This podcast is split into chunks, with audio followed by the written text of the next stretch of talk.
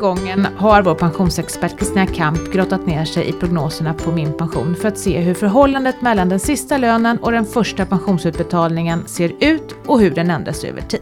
Årets rapport släpptes i mitten av december och fick namnet Tjänstepensionen ökar i betydelse. Gäller det samtliga grupper, vilken pension kan den som precis har börjat sitt arbetsliv förvänta sig att få den dagen det är dags att gå i pension? De frågorna och några till tänker jag att Kristina Kamp och Dan Adolfsson Björk och jag själv ska samtala kring. Hej på er Kristina och Dan! Hej! Kristina, är du också Ja, då är jag med. Ja. Du är med? Ja. Ja, det här är den sjunde kompensationsgradsrapporten som Min Pension har tagit fram. Och det här med kompensationsgrad, det är ett svårt ord. Kan du förklara det Dan? Ja, det är skillnaden i inkomst före och efter pensionen, enkelt uttryckt. Eh, och med kompensationsgrad då menas pension som en procentsats av lönen innan pensioneringen. Så att om man avslutar yrkeslivet med en månadslön på 30 000 kronor och får 18 000 kronor i månaden i pension, då har man en kompensationsgrad på 60 procent. Och vad säger då kompensationsgrader? Vad är det man kan få ut när man tittar på kompensationsgrader, Kristina? Det är ett jättebra mått att mäta pensioner faktiskt. Alltså vad får jag ut i pension i förhållande till det jag har tjänat in under åren. Och man kan både jämföra mellan olika årgångar, man kan jämföra över tid, alltså för sju år sedan och idag. Och det det säger det är ju liksom att, ja, ur rättvisesynpunkt, har jag, även om jag haft, liksom, har en pension på 80 000 eller på liksom 15 000, jag kanske båda, båda de får 60% av sin lön i pension. Och då kan man ju liksom tycka, ja men det är i alla fall ett sätt att mäta, jämföra pensioner med varandra, som jag tycker är, jag har inte hittat på något bättre faktiskt, jag tycker det är ett bra mått. Ja, det är ett bra mått. Och varje rapport under de här sju ja, de här sju gångerna har ju fått ett speciellt fokus vilket är fokuset i år? Ja, vi, vi, jämför ju alltid alla, alltså våra pensions, eh, de som har loggat in på min pension och ser vad de får för prognoser liksom över tid och olika åldrar och sådär. Men sen brukar vi ha olika fokus, till exempel hur ser det ut för 50-talister, 60-talister? Vad spelar premiepensionen för roll, hade vi förra året till exempel. Och, och, i år så har vi tittat på tjänstepensionerna. För det är ju lätt att liksom bara bunta ihop alla tjänstepensioner. Okej, okay, jag har en tjänstepension och så tror man att den är ungefär lika för alla. Men så är det ju inte längre. Det händer väldigt mycket saker just inom tjänstepensionsområdet. Och därför tyckte jag att det var väldigt spännande att titta på, ja men hur påverkar det prognoserna då? Mm. Och det påverkar ju prognoserna ganska mycket. Mm. Mm, verkligen. Men då, du, du var inne på det, men hur, när vi gör den här rapporten då, vilket är underlaget? Hur räknar vi liksom, hur, ja, vad har mm. du för underlag? Vad gör du? Ja, vi tittar ju egentligen på vad man har sagt att man har för lön och sen på prognosen, vad den säger att man får för pension. Eh, och sen så tittar vi faktiskt inte på de allra äldsta årgångarna när man så att säga, har möjlighet att bli jobbonär och kanske blandar lön och pension, för det blir ju ganska konstiga mått här. Utan vi vill liksom att det här ska vara ett begripligt mått för dig som jobbar, som har en lön, alltså inte bidrag, inte a-kassa, inte sjukpenning, utan lön, för det är ju det jag tycker är mest relevant att jämföra med.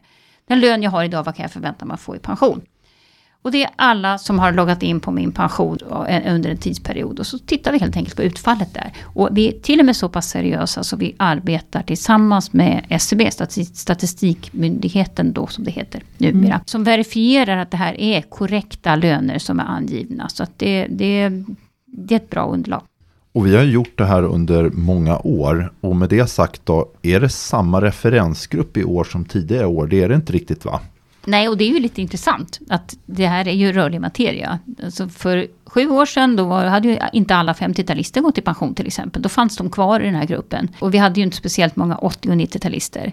Medan nu då har vi ju fler 80 och 90-talister eh, och 50-talisterna har gått i pension. Och därför är det också ganska viktigt att vi tittar på enskilda så att säga, åldersklasser.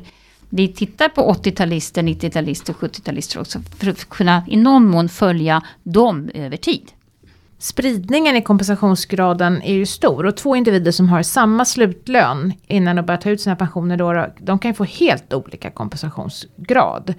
Hur kommer det sig? Ja, det är ju det som vi väldigt ofta pratar om på min pension. Att egentligen måste man ju liksom logga in och se sin egen pension och se dina egna siffror. Se din egen kompensationsgrad eftersom den beror ju på, inte på den sista lönen, utan på egentligen alla, år in, alla löner innan dess. Hur livet har sett ut, hur ditt arbetsliv har sett ut. Och då är det ju så eftersom ju, fler, ju mer pengar du tjänar och ju fler år du jobbar, ju högre pension får du, kan man säga lite snabbt. Och har du då år då du inte har tjänat så mycket pengar eller varit borta eller ja, då kommer det att påverka din slutpension också. Och då blir det ju en skillnad i spridning. Två individer med samma lön när de slutar kan ha helt olika pensioner. Mm. Men eh, du brukar ju också titta på kompensationsgradernas median, eh, inte medel liksom. Vad, vad är skillnaden där? Ja, medel, då skulle man egentligen ta alla kompensationsgrader för de som vi har tittat på. Jag tror att det är 244 000 faktiskt, som vi har i underlaget. Oj, ja. eh, och så delar vi det med liksom den, den kompensationsgrad de har och så får man en siffra. Men det där kan vara lite kluvet för då kan det faktiskt vara så att en viss grupp dominerar och har väldigt mycket kompensationsgrad eller väldigt lite kompensationsgrad. Så då är det egentligen mer relevant att titta på den, den mittersta mätpunkten. Mm. Var ligger den på? Mm. Och då får man också den här spridningen så man får alla, alla andra mätpunkter också. Därför är median ett bra mått och då ser man ju över tid också, förändras medianen på något sätt? Händer det någonting för liksom alla blivande pensionärer? Mm. Hur var medianen i år då? Den har stigit. Så mm. det, det, är en trevlig rapport i år. Trevligt. Den har liksom positiva grejer att berätta för mm. mänskligheten. Medianen för hela gruppen är någonstans 69 procentenheter. Eh, och det är alltså när man slår ihop alla prognoser och, och lägger samman både allmän pension och tjänstepension och, och sådär. Sen kan det om man tittar på de enskilda bitarna vara lite skillnad. Förra året tror jag det var 66,8 så det är en ganska kraftig förändring. Det är två, drygt 2 procentenheter. Det är alltid männen som mest har högst kompensationsgrad eh, och kvinnorna har lite lägre, även om jag tror att faktiskt skillnaderna har minskat lite över tid. Och sen tittar vi även på gruppen utrikesfödda och vad har vi gjort i några år nu för att eh, de sticker ut lite eftersom de oftast har en kortare intjänande period eftersom de har kommit till Sverige senare i livet då. Vi har kanske haft tuffare att etablera sig på svenska arbetsmarknaden, lära sig språk och allt sånt där. Och där så är den kompensationsgraden ungefär, nästan 10 procentenheter lägre. Alltså ligger någonstans på 60 procent. Nu skulle jag vilja höra båda era svar här. Vad tror ni det beror på att kompensationsgraden ökar? Har ni någon tes? Det beror på tjänstepensionsavtalen i stor utsträckning och det är därför som vi väljer att fokusera på det år. Dels att eh, tjänstepensionerna då fler år räknas men också att det betalas in mer pengar till tjänstepensionen. Eh, det är ett stort skifte som har skett i det tysta. Mm, ja, det har varit ganska tyst. Vad tror du Kristina? Ja, det naturligtvis. Och också för att vi har en, en, en, eh, Vi skiftar ju. Alltså vi får ju till exempel... Många 50-talistkvinnor hade inte så lång tid på arbetsmarknaden faktiskt. Kanske hade mera deltid och sånt. Nu får vi in 80 och 90-talister där jag tror att, eller jag vet att kvinnornas deltagande i arbetsmarknaden är högre. Så att det är klart, det spelar ju liksom också roll. Allt det där bidrar ju sammantaget till att vi nog ser högre kompensationsgrader. Det här med riktåldern då? Ja, den har vi haft med i några år. Den hade mm. vi även med i förra årets mätning. Mm. Eh, och det är klart, den är ju någonstans en liten fuling. För att det här kan man ju liksom tänka, ja okej, okay, det här är den kompensationsgrad man får om man jobbar heltid fram till sin riktålder. Jag är inte övertygad om att det kommer att se ut så. Inte ens för 90-talisterna och, och 80-talisterna. Utan det kanske är så att man kommer att jobba deltid. Och det är det vi ser också i de här tjänstepensionsavtalen som ju anpassar sig till att man ska jobba längre, det har vi fattat, men många människor tänker att det här kommer inte att gå. Det kommer liksom inte att gå. Och då får vi de här lösningarna som säger att ja, vi lägger på lite extra till din tjänstepension så har du möjlighet att gå ner i arbetstid. Eh, och det ser vi ju att många vill göra. Och vilka är det som har den högsta kompensationsgraden då? Är det de som omfattas av rätt avtal och får de här lite större inbetalningar till tjänstepensionen? Eller är det det som det brukar hävdas i pensionsdebatten att det är höginkomsttagarna, inte sällan männen? Alltså det här är jättespännande för det varierar ju väldigt mycket. En grupp som har väldigt höga kompensationsgrader är SAF LO-kollektivet födda på 60-talet. De har jätte jättemycket inkomstpension. För de har jobbat sedan de var väldigt unga. Och varje år du tjänar inte din inkomstpension får du ju högre pensioner. Så däremot är det intressant att se yngre grupper där. Har alltså haft en högre etableringsålder. 90-talet innebär att liksom, det dröjer längre innan vi kommer in på arbetsmarknaden ordentligt. Så där sjunker det i den gruppen. En annan grupp som vi ser som jag ibland skulle liksom vilja att någon studerade mer på allvar. Hint, hint till alla som vill forska. Kvinnor i, med, i inkomstspannet 35 till 45 000 är bland kvinnor, alla andra kvinnor, när vi jämför olika inkomstnivåer, från 15 000 i månaden till 75 000 och mer, är de som får lägst kompensationsgrad. Alltså någonstans ganska vanliga löner men lite i uppåtkanten. Och jag tror att det kan ha att göra med att lönekarriären ser speciell ut. Man kanske börjar med att inte jobba så mycket. Man kanske jobbar, man är hemma med barnen och såna här saker. Och sen gör man karriär i slutet på livet och då får man lite högre löner. Och då de åren med lägre lön släpper med. Och man har dessutom kvalificerat sig för att inte få garantipension. Så man hamnar i en skarv på något vis. Va? Tittar och man får inte heller de större inbetalningar till tjänstepensionen. Nej, man får inte det. Nej. Man kommer inte upp i de här liksom, eh, bonuspoängen när man kommer Nej. över 7,5 inkomstbasbelopp.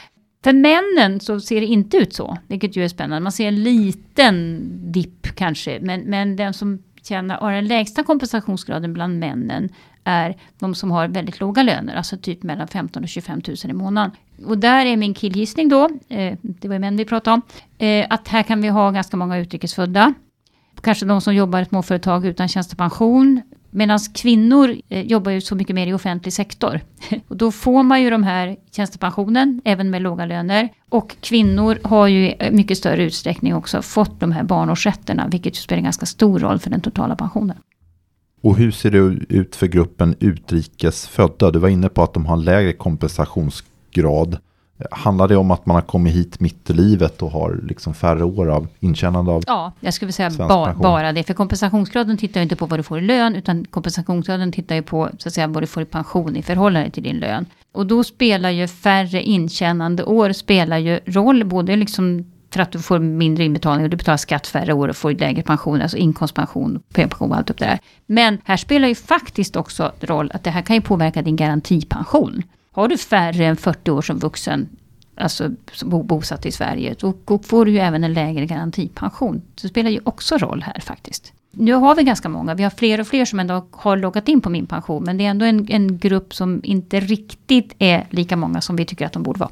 Vet vi någonting om deras intjänare från andra länder? Har vi koll på det? Nej, det vet jag Nej. inte. Det här är ju naturligtvis en extremt spretig grupp. Det kan ju vara jättemånga som liksom Norge och Danmark och you name it. Mm. Men, men eh, det är väl också så att det finns en ganska många av de här som kommer från länder där man inte har någon pension att prata om i alla fall från det egna hemlandet. Och då kommer man ju vara beroende av den svenska pensionen. Mm. Det här med riktålder, det är ju intressant. Och nu talar jag av egen eh, erfarenhet, höll jag på att säga. Man är sig själv närmast, för jag träffas ju verkligen av det. Hur länge ska du jobba? Ja, 68 är det nog mm. tänkt. Vi får se om det, om det blir så. Det är lite tidigt att avgöra. Men det här innebär ju då att yngre generationer förväntas ju ha ett längre arbetsliv. Man får faktiskt inte lyfta sin allmän pension för tidigt heller. Och många fokuserar ju på 65 år idag. Men alltså redan, redan nu, 2023, så är det ju så att de som omfattas av garantipension och inkomstpensionstillägg, det får man tidigast ut bli 66. Och hur påverkar det här de ungas kompensationsgrader? Eh, vad kan man säga generellt om det? Om att man tvingas att gå i pension senare? Ja, om man nu håller den. Eh, och, och, och, det är klart, det som är bra med, med riktåldern är ju faktiskt också att man höjer åldrarna i socialförsäkringssystemen. Det ska vi liksom inte glömma bort. Så man får ju sjukersättning och a-kassa och sånt längre också. Eh, och det borde ju rimligen innebära då faktiskt att de kommer att få lite högre kompensations, alltså högre pensioner än om de hade slutat jobba vid 65. Så att på det sättet är det ju bra. Och tittar man nu på i våra siffror om alla jobbar liksom till 68 och 69 eller vad man ska göra för någonting till sin riktålder. För 80 och 90-talister så handlar det om alltså att man får mellan nästan 3 och 4 000 kronor mer i månaden i pension. Mm. I liksom normala lönelägen. Så att det är klart att det här spelar ju väldigt stor roll. Eh, och kanske faktiskt också att man kan, även om man då inte jobbar in i kaklet heltid, så kommer det ändå spela roll. Man kommer att få högre pension det här med att man ska gå i pension senare för den allmänna pensionen. Det finns ju vissa skillnader när det gäller avtalen för tjänstepensionen. Liksom, mm. Gäller det alla grupper här eller finns Nej, det? Det här, det här är ju spännande också. En lärdom av det här är väl också att man ska verkligen kolla sin tjänstepension på längden och tvären. För här är det ju så att för, för, för tio år sedan så såg tjänstepensionen ganska likartad ut. Det var liksom, villkoren var hyfsat lika. Men sen har det ju börjat spreta. Det började ju med då att industrifacken införde liksom tillägg till sina tjänstepensioner, det som kallas för delpension, just för att man skulle kunna gå i pension tidigare och sådana saker. Va? Och de andra hängde på, för det här var liksom en god bit man ville ha. Och på den privata sektorn så är det branschavtal, alltså in, inte hela avtalet utan branscher i avtalet, som har lite goodiebags helt enkelt. Det de inte har, det är ju att man har ju inte höjt pensionsåldrarna i takt med riktåldern. De enda som har hängt på lite grann det är i ITP 1. Där kan man faktiskt få pensionsinbetalningar till 66 år. Däremot i offentlig sektor, där har det hänt mycket, mycket mera. Där får man ju eh, inbetalningar till tjänstepension upp till ja, 69. Och man har också höjt avsättningarna för alla, för så att säga hela avtalet. För min pension så spelar det här ganska stor roll. Alltså om man gör sin prognos. För att har man ett avtal, ett, eh, alltså privat tjänsteman, privat uh, arbetare någonting. Då per definition så måste vi ju så att säga höja prognosen med den lägsta summan som finns, alltså 4,5 procent. Vi kan liksom inte hitta på något annat, det skulle bli fel. Medan däremot i offentlig sektor så har vi ju samma princip. Ja, men vad är den lägsta nivån du kan få? Och där är det ju 6 procent.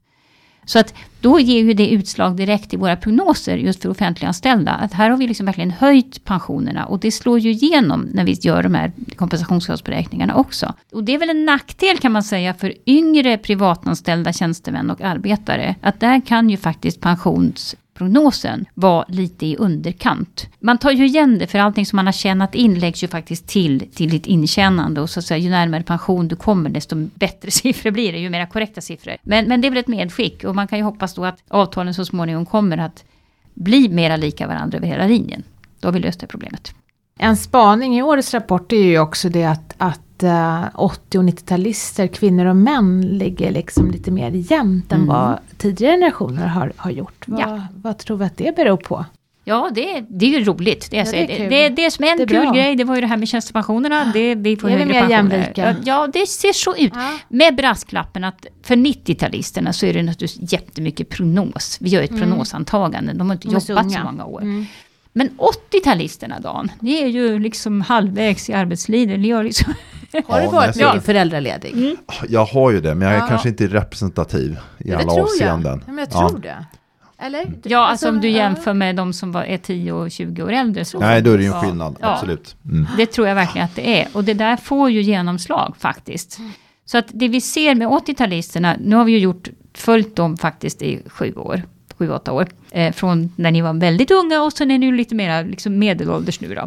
Och när ni var riktigt unga så skilde det faktiskt mer. Det var en, en större skillnad mellan kvinnor och mäns pensioner, alltså till kvinnornas nackdel. Nu börjar kvinnorna uppenbarligen att komma igen här. Nu har väl liksom småbarnsåren bakom mig och, alltså, och, och tydligen så har det haft ganska bra effekt. Det, det, visar nog ändå att det har varit ganska jämställt med det här med vabbande och föräldraledighet och sånt. För att det är nästan ingen skillnad alls i kompensationsgrad i, de här, i den här gruppen. Wow, äntligen mm. händer det. Ja, och 90-talisterna, där är det faktiskt så, men som sagt återigen, det är mycket prognoser. Här leder kvinnorna över männen, alltså de har högre kompensationsgrad än vad männen har. Där tror jag ju att förklaringen är så enkel som att mera kvinnor jobbar i offentlig sektor och de offentliga sektorns avtal är ju nu bättre. Framförallt tidigare intjänande och högre premier och det är klart att då ser det bättre ut. Mm.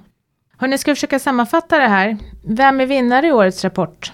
Vem är förlorare? Jag skulle säga, återknyta till det som Kristina var inne på, att vinnarna är ju kommun och regionanställda eh, som är yngre, som omfattas av de här större pensionsavsättningarna, i vissa fall direkt när man börjar börjar arbeta. Eh, men sen också att eh, vill man förlänga yrkeslivet så fortsätter man få tjänstepension hela vägen eh, upp till 69. Eh, och så är det ju inte i, i privat sektor utan då råder ju avtalsfrihet som det heter och då får man ju förhandla om det. Så, så det, det, tycker jag är, är, det stora skiftet på mm. senare år. Vinnarna kommer ju också vara i högre grad än nu de som orkar jobba det här långa arbetslivet. Det kanske faktiskt är viktigare att orka jobba ett långt liv än att ha en högre lön skulle jag vilja säga. Och att trivas med sitt jobb så att du liksom orkar hänga kvar. För det är ju så att säga, det är ju ändå fler år man ska vara på jobbet. Även om så att pensionstiden är lika lång så är det ändå fler år du ska vara på jobbet. Du ska orka gå dit, du ska inte bli sjuk, det ska liksom inte hända grejer. Så, så att det finns en, en högre risk i det där. Så medskicket är dels kolla vilken tjänstepension du har. Framförallt när du ska byta jobb eftersom det skiljer väldigt mycket mellan olika tjänstepensioner. Så man måste faktiskt ha ganska bra koll på det här. Gå in på min pension och läs på och kolla. Eh, och det andra är jobba inte för lite för deltid, många års tid. Men jobba inte för mycket heller så du blir utbränd och liksom utslagen och inte orkar jobba. Utan hitta ett bra jobb där du orkar hänga dig kvar på jobbet till liksom, mm. det är verkligen dags att gå i pension. Mm. Men jag undrar så här, vad, om man då blir nyfiken över läsa den här rapporten som vi då släppte för några dagar sedan. Var hittar man den? Hos oss.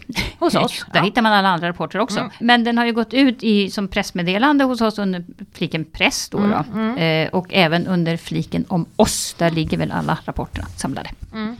Det gör de faktiskt mm. på en lång rad. Så gå dit och kolla om ni är nyfikna. Tack för idag då, säger vi. Och så går vi över till dagens fråga. Och dagens fråga, den kommer från Annika som har fått ett mejl från min pension med uppmaning om att logga in, annars kommer hennes uppgifter att tas bort. Och när hon ska logga in och öppnar sin BankID-app, då kommer upp en text om att man inte ska logga in på uppmaning av någon annan. Så då undrar Annika om det är min pension som har skickat ut den här e-posten till henne eller inte. Ja, i det här fallet så är det faktiskt vi som har skickat e-post och det gör vi. Vi upplyser ju om att du, man inte har loggat in på två år eller fem år faktiskt om man har varit inne i uttagsplaneraren. Eh, och det har ju med vår behandling av personuppgifter att göra. Sen tycker jag att Annika är någonting viktigt på spåren här för att bedrägeriförsöken de ökar ju och det har ju blivit ett stort samhällsproblem. Och de här metoderna för att luras, de ändras ju hela tiden. Det kan vara allt ifrån mail till telefonsamtal som styr mot eh, falska hemsidor som kan framstå som trovärdiga då. Eh, och man ska ju aldrig logga in med BankID på någon annans initiativ utan alla inloggningar ska ju ske på ditt eget initiativ. Eh, men vi har faktiskt förstärkt budskapet som visas bli signering av bank-id på min pension. Så att den nya texten så står det då att tänk att inte på att inte logga in på någon annans uppmaning. Eh, att det kan vara ett försök till bedrägeri. Eh, och känner du dig orolig så kontakta vår kundservice. Jag kan väl också säga då att bankerna som utfärdar BankID, de menar ju att bedragarna ofta riktar in sig på äldre. Eh, och här har man ju en ny eh, hemsida då, en trovärdig sådan, som beskriver hur man kan skydda sig. Mm. Eh, svårlurad.se, svårlurad.se. Och här finns det bra information om hur man kan tänka för att skydda sig. Vilket, vilket jättebra tips. Jag tror mm. vi lägger det på vår blogg faktiskt. Mm. En länk till svårlurad.se. Mm. mm. Det var bra svar. Då tror jag Annika är nöjd med det. Kan logga in i lugn och ro helt enkelt utan att vara rädd. Och tack för att du har lyssnat på oss idag när vi har pratat om årets kompensationsgradsrapport. I avsnittet har du hört Kristina Kamp, Dan Adolfsson Björk och mig Maria Eklund från Min Pension. Och Min Pensionspodden produceras av Min Pension som är en oberoende tjänst i samarbete mellan staten och pensionsbolagen som ger dig bättre koll på dina pensioner. Och vi blir såklart glada om du lyssnar på fler avsnitt och följer oss i din poddkanal. Men det här avsnittet det är ju en liten tidig julklapp. För det är ju december och fullt i vår poddkalender med all information som vi vill få ut innan årsskiftet. Därför så släpper vi idag det här extra poddavsnittet och redan nästa fredag så kan du höra ett nytt igen och då ska vi prata om vad som händer med pensionerna nästa år, alltså 2024. Jag hoppas att vi hörs då igen. Ta hand om dig och din passion till dess. Ha det så bra. Hej! Hej då!